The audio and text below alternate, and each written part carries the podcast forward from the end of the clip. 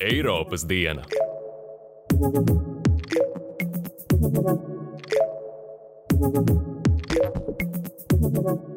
Sveicināti Eiropas dienā! Es esmu Andris Kārkloks, un šodien pievērsīsim pastiprinātu uzmanību divām ar Eiropas Savienību saistītām tēmām. Runāsim par diviem jautājumiem, kas saistīti ar Afganistānu. Viens ar to saistīts pastarpināti. Afganistānas krīšanas haotiskā pieredze iedragājusi rietumvalsts ģeopolitisko situāciju un tēlu. Dažādi jautājumi ir jārisina amerikāņiem, bet Eiropas Savienības augstais pārstāvs ārlietu un drošības jautājumos Žuzefs Borels vienu dienu pēc Kabulas krišanas un steidzīgās evakuācijas sāka nopietni uzsvērt Eiropas Savienības vienotas militārās spēku struktūras izveidas nepieciešamību. Izskanējuši gan 5000, gan 50 tūkstoši vīru lielu spēku izveidas versijas. Galu galā aiziešanas laiks un raksturs tiks noteikts Vašingtonā. Mēs, Eiropieši, bijām pilnībā atkarīgi no amerikāņu lēmumiem, ne tikai evakuācija no Kabulas lidostas, bet arī plašākā ziņā. Tam vajadzētu būt kā modinātājam ikvienam, kam rūp transatlantiskā alianse. Saprotams, ka Amerikas Savienotās valstis visu nevēlas darīt vienas. Otra tēma ir tiešāk saistīta ar Afganistānu, precīzāk, cilvēkiem, kuri to pamata. Eiropai kopš 2015. gada ir uzkrāta negatīva pieredze, bet joprojām nav vienotas stratēģijas šādas migrantu krīzes novēršanai. Izskan dažādi risinājumi, tiek būvēti žogi, bet viena kopēja ideja izskatās ideoloģiski spēcīgāka par citām. Eiropieši vēlas darīt visu iespējamo, lai afgāņi nepamestu valsti vai vismaz reģionu. Tagad jāstrādā pie tā, kā to panākt, atzīmē Eiropas iekšlietu komisāri Ilva Johansone. Mums jānovērš cilvēku došanās pa kontrabandistu ceļiem Eiropas Savienības virzienā. Eiropa nevar gaidīt līdz brīdim, kad cilvēks stāv pie mūsu ārējām robežām. Mums jāstrādā gan Afganistānā, gan tās kaimiņu valstīs, un mums jānovērš cilvēku došanās šajā ceļā. Pirms iedziļināšanās šajās tēmās uzmetīsim aci šī brīža Eiropas aktualitātēm. Vairākas no tām ir cieši saistītas ar ilgstošiem procesiem.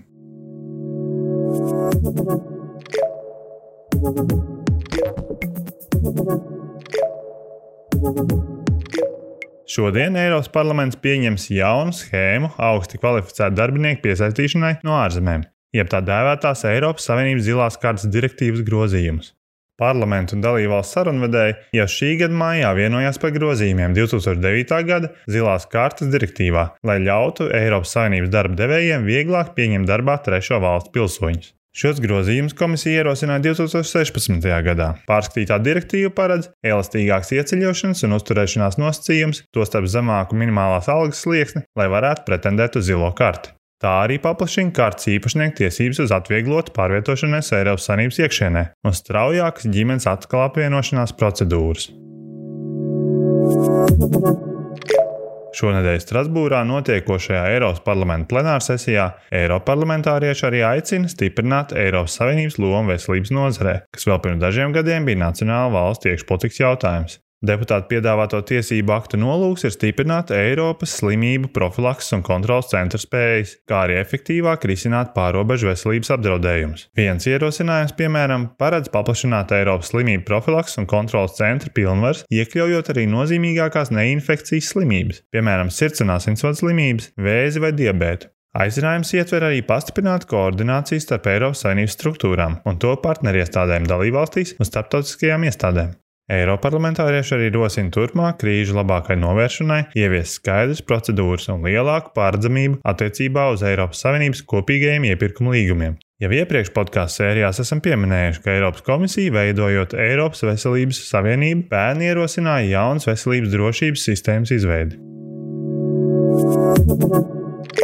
Merkele pirms aiziešanas no Vācijas kanclera amata, kas dažkārt tiek dēvēts arī par Eiropas stūres ratu, apciemojas Belgradu. Viņa pirmdien Serbijas līderim Aleksandram Vučičam norādījusi, ka vēl un aicina Rietumbalkānu valstu iestāšanos blokā, bet vienlaikus brīdinājusi, ka tām līdz reālai dalībai Eiropas Savienībā ir vēl tāls un sarežģīts ceļš. Vienlaikus viņa uzsvēra, ka gan Eiropas Savienības dalībvalstīm, gan pašām Rietumbalkānu valstīm iestāja Eiropas Savienībā ir ģeostrateģiski svarīga.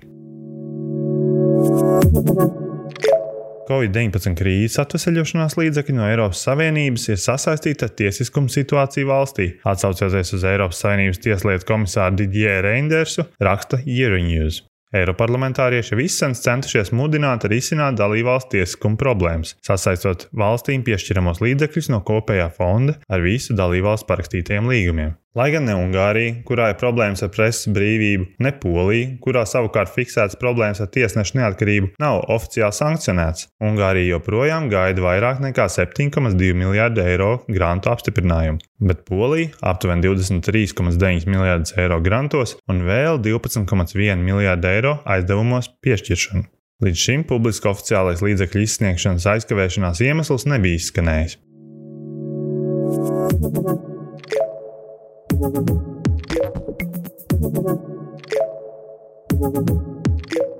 Eiropai jāveido savs militārais spēks, lai mēs vairs nebūtu atkarīgi no citiem, uzskata Eiropas Savienības augstais pārstāvs ārlietās Žuzeps Borels. Tādējādi Eiropas Savienības de facto ārlietu ministrs faktiski pievienojies pēdējos gados spēkā augošajam viedoklim, ka Eiropai nepieciešama sava armija. Afganistānas krišana talība rokās 20 gadus pēc tam, kad ASV speciāla uzdevuma vienības ar vietējo karakungu līdzdalību gāza Taliban režīmu, iezīmē vērienīgas pārmaiņas ne tikai pašiem afgāņiem. Starptautiskajā politikā Kabuls nonākšana radikāļu rokās radījusi viļņošanos, kas cits norises pat atbildījuši otrajā plānā.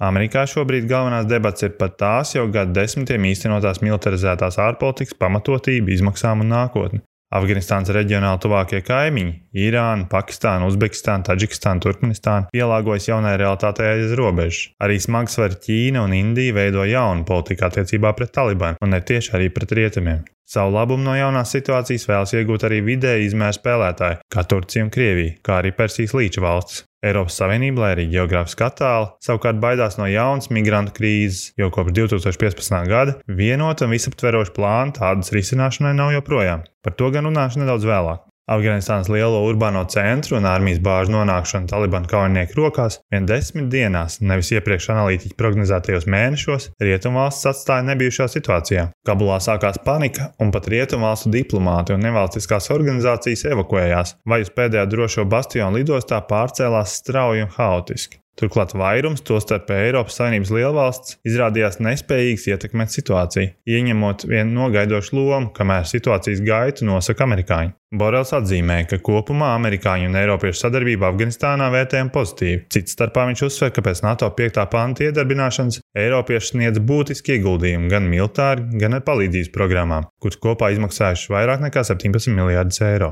Tomēr 20 gadus ilgušās kopējās kampaņas noslēgums bija trieciens. Galu galā aiziešanas laiks un raksturs tiks noteikts Vašingtonā. Mēs, Eiropieši, bijām pilnībā atkarīgi no amerikāņu lēmumiem, ne tikai evakuācija no Kabulas lidostas, bet arī plašākā ziņā. Tam vajadzētu būt kā modinātājam ikvienam, kam rūp transatlantiskā alianse. Saprotams, ka Amerikas Savienotās valstis visu nevēlas darīt vienas. Lai kļūtu par spējīgāku sabiedroto, Eiropai vairāk jāiegulda savā drošībā un jāattīsta spēja domāt un rīkoties strateģiski. Borels rosina, ka Eiropiešiem jārod vienota izpratne par draudiem un atbilstoši atbildi tiem, kas prasot izveidot vienotu strateģisko kultūru. Viņš arī atzīmē, ka Eiropas Savienība strādā pie nākamā desmitgades drošības un aizsardzības politikas dokumenta, dēvēt par Eiropas strateģisko kompasu. Augstais pārstāvs uzsver, ka tā izstrādē iesaistīts visas dalībvalstis, bet izcēlt dažus piedāvājumus. Dažas, piemēram, ierosinājušas radīt aptuveni 5000 karavīru lielus Eiropas sākotnējos ieiešanas spēkus, kuru varētu būt spējīgi straujam un spēcīgam sniegumam,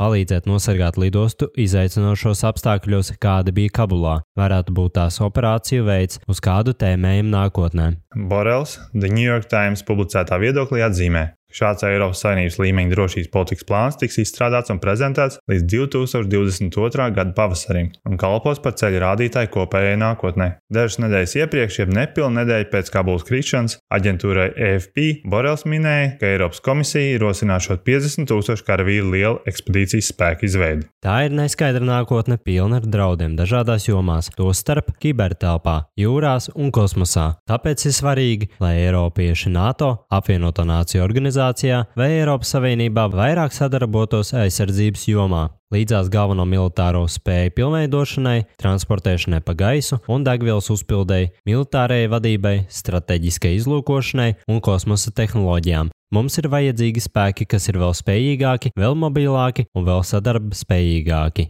Jau šobrīd notiek centieni to panākt vairāk iniciatīvu veidā. Bet mums jāiet tālāk un straujāk. Eiropas aizsardzības fonds, kas izveidots bloka aizsardzības spēju palielināšanai, nākamo sešu gadu laikā saņems gandrīz 8 miljardus eiro. Tas jāizmanto, lai būtiski atbalstītu kopējo pētniecību un ļoti nepieciešamo aizsardzības tehnoloģiju izstrādi. Līdzīgi aicinājumi veidot reāli vienotu Eiropas Savienības militāro spēku pirms aptuveni diviem gadiem uzrunāja Eiropas parlamentā pauda arī Vācijas kanclere Angela Merkele. Mums, es saku ļoti apzināti, ņemot vērā pēdējo gadu attīstību, mums vajadzētu strādāt pie vīzijas, lai kādu dienu izveidotu patiesu Eiropas armiju. Kā Žants Klots Junkers teica jau pirms četriem gadiem, vienota Eiropas armija pasaulē demonstrēs, ka starp Eiropas valstīm vairs nekad nebūs kara, un tā nav armija pret NATO. Es to saku jums, bet tā var būt NATO papildinājums. Neviens nevēlas apšaubīt vēsturiskās saiknes. Būtu tik ļoti daudz vieglāk ar mums sadarboties. Šobrīd mums ir vairāk nekā 160 aizsardzības sistēmas, ieroču sistēmas, kamēr ASV ir tikai 50 vai 60, un mums nepieciešama pašpārvaldība, padomdevēja, apmācība. Mēs nevaram būt efektīvi partneri, un ja vēlamies efektīvi tērēt savu naudu un cīnīties par vieniem mērķiem, vai mēs vismaz NATO ietvaros nevaram apvienot spēkus kā Eiropas armija, es tajā nesaskatu nekādas pretrunas.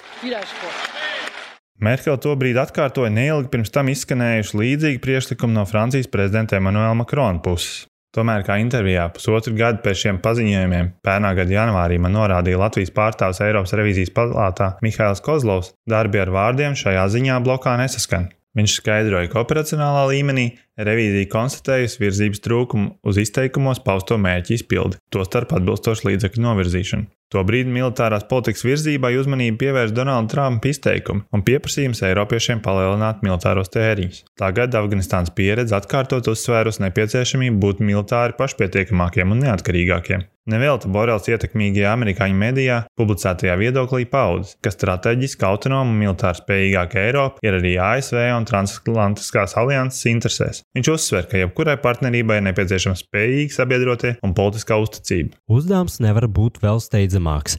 Talibana atgriešanās pie varas rada atkārtotu teroraktu, narkotiku tirzniecības pieauguma un liela nelegālās migrācijas apjoma risku. Mums jābūt apņēmīgiem, cīnīties pret šiem draudiem, kā arī reaģēt uz mainīto reģionālo ainavu. Ķīna, Krievija un Irāna palielinās ietekmi reģionā. Savukārt Pakistāna, Indija, Turcija un Persijas līča monarhijas pārkārtosies. Mēs nevaram ļaut viņiem būt vienīgiem sarunu partneriem ar Afganistānu pēc rietumu aiziešanas. Eiropai kopā ar Amerikas Savienotajām valstīm ir jāpārstrādā sava pieeja, tostarp ar pašu Talibanu. Pēc tam, kad nav izdevies novērst valsts krišanu viņu rokās, mums tagad ir jāvada sarunas ar viņiem, rūpīgi izvērtējot mūsu iespējas un strādājot pie koordinētas starptautiskas pieejas. Dažas norises vēstures ritējumu pātrina. Afganistānas sagrāvi ir viens no tādiem. Mums, Eiropiešiem, no tā jāņem mācība. Apkopojošos izteikumus jāņem vērā, ka neatkarīgi no amatpersonu svarīguma, šāda vēriena projekts ir tikai un vienīgi visu Eiropas Savienības valstu kopējs lēmums.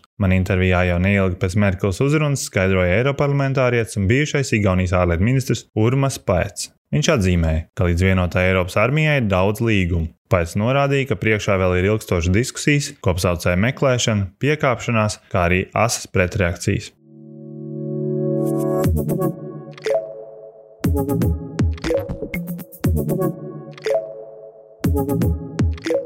Otra tēma, kurai pieskarsimies, ir potenciālā jaunā migrācijas krīze. Protams, arī tās pamatā ir Afganistānas krišana Talibana rokās un daudziem jau pazīstama migrācijas ceļu, tostarp cilvēku kontrabandistu tīklu, potenciālāks izdzēšanās. Līdzīgi scenāriju Eiropa pieredzēja 2015. gadā, Eiropai kļūstot par vilinošāko galamērķi no Sīrijas un Lībijas pilsoņkariem bēgošajiem kara bēgļiem, kas vēlāk pārtapa arī ekonomisko migrantu plūsmā.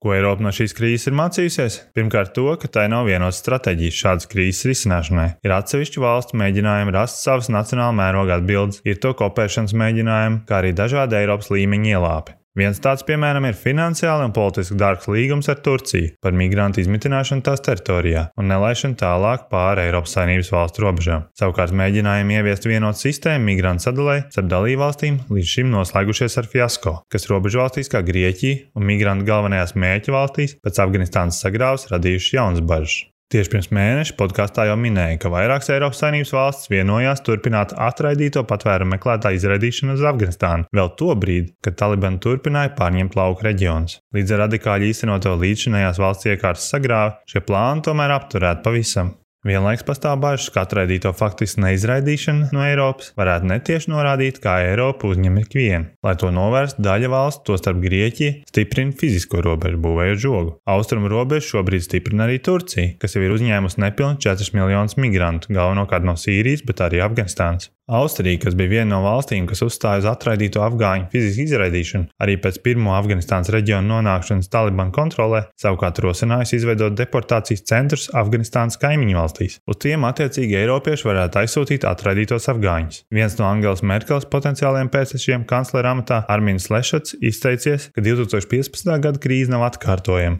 Un Emanuēls Makrons paudz, ka Eiropiešiem jāaizsargājas no neregulāriem, lieliem migrācijas uzplūdiem. Šķiet, ka līdz šim vērtīgākā mācība, ko Eiropa guvusi no iepriekšējās krīzes, ir, ka cilvēkiem jāpalīdz uz vietas, lai viņi nemeklētu glābiņu Eiropā. Ideja veltīt līdzekļus un pūles, lai cilvēks noturētu reģionā, dominējas arī Eiropas valstu ārlietu ministra sanāksmē drīz pēc Kabulas krišanas, augusta otrajā pusē. Stingru atbalstu šādai taktikai izteikusi arī Eiropas iekšlietu komisāra Ilva Johansona. Mums jānovērš cilvēku došanās pa kontrabandistu ceļiem Eiropas Savienības virzienā. Eiropa nevar gaidīt līdz brīdim, kad cilvēks stāv pie mūsu ārējām robežām. Mums jāstrādā gan Afganistānā, gan tās kaimiņu valstīs, un mums jānovērš cilvēku došanās šajā ceļā. Protams, Afganistānā esošo cilvēku risinājums nav viņu pārcelšana, bet tur ir indivīdi, kuriem nepieciešama palīdzība izkļūt ārā un nonākt drošībā Eiropas Savienībā un citās valstīs, un tas ir svarīgi. Mēs esam daudz labāk sagatavoti nekā bijām 2015. gadā. Mēs strādājam daudz, daudz agrāk. Mums nevajadzētu gaidīt, ka cilvēki jau ir pie mūsu ārējām robežām, bet vēl ir svarīgi sakārtot savu likumdošanu, un šajā ziņā mums nepieciešams progress. Lielais vairums Afganistānu pametušo bēgļu jebkurā gadījumā palikt kaimiņu valstīs, kā tas pieredzēts līdz šim. Arī pat labāk nav pazīme par masveidīgu cilvēku kustību pāri robežām. Šogad Turcijā pāri robežu ieradušies 35,000 afgāņu, kas norāda uz aptuveni līdzvērtīgu migrācijas plūsmu kā pēnu, bet vienlaikus ievērojamu samazinājumu salīdzinot ar situāciju pirms diviem gadiem, kad gadu laikā tika fiksēts ap 200 tūkstoši migrantu no Afganistānas. Tikmēr 90% no nepilniem 3 miljoniem Afganistānu līdz šim pametušo bēgļu uzturas Irānā un Pakistānā. Eiropas Savienībā patvērumam pēdējā desmitgades laikā pieteikušies ap 630 tūkstoši afgāņu. Visticamāk, turpmākajos mēnešos lielākā uzmanība tiks pievērsta tieši dažādiem instrumentiem, kā noturēt bēgļus Afganistānā un tuvējā reģionā. Tikmēr vairākas valstis turpina būvēt žogus, uzlabot novērošanas sistēmas un veidot partnerību ar drošām valstīm, uz kurām potenciāli varētu nosūtīt patvērumu pieteikumu iesniedzējs vismaz uz to izskatīšanas laiku. No otras puses, lai arī stratēģijas izstrāde potenciālajai migrācijas krīzē ir vairāk nekā vēlama, pašas migrācijas krīzes sludināšana, pirms tā patiešām ir sākusies, spēlē par labu gan populistiem, gan trešajām valstīm, kā Krievija, Baltkrievija un Turcija, kuras Eiropiešu bailes izmanto savu politisko mērķu sasniegšanai.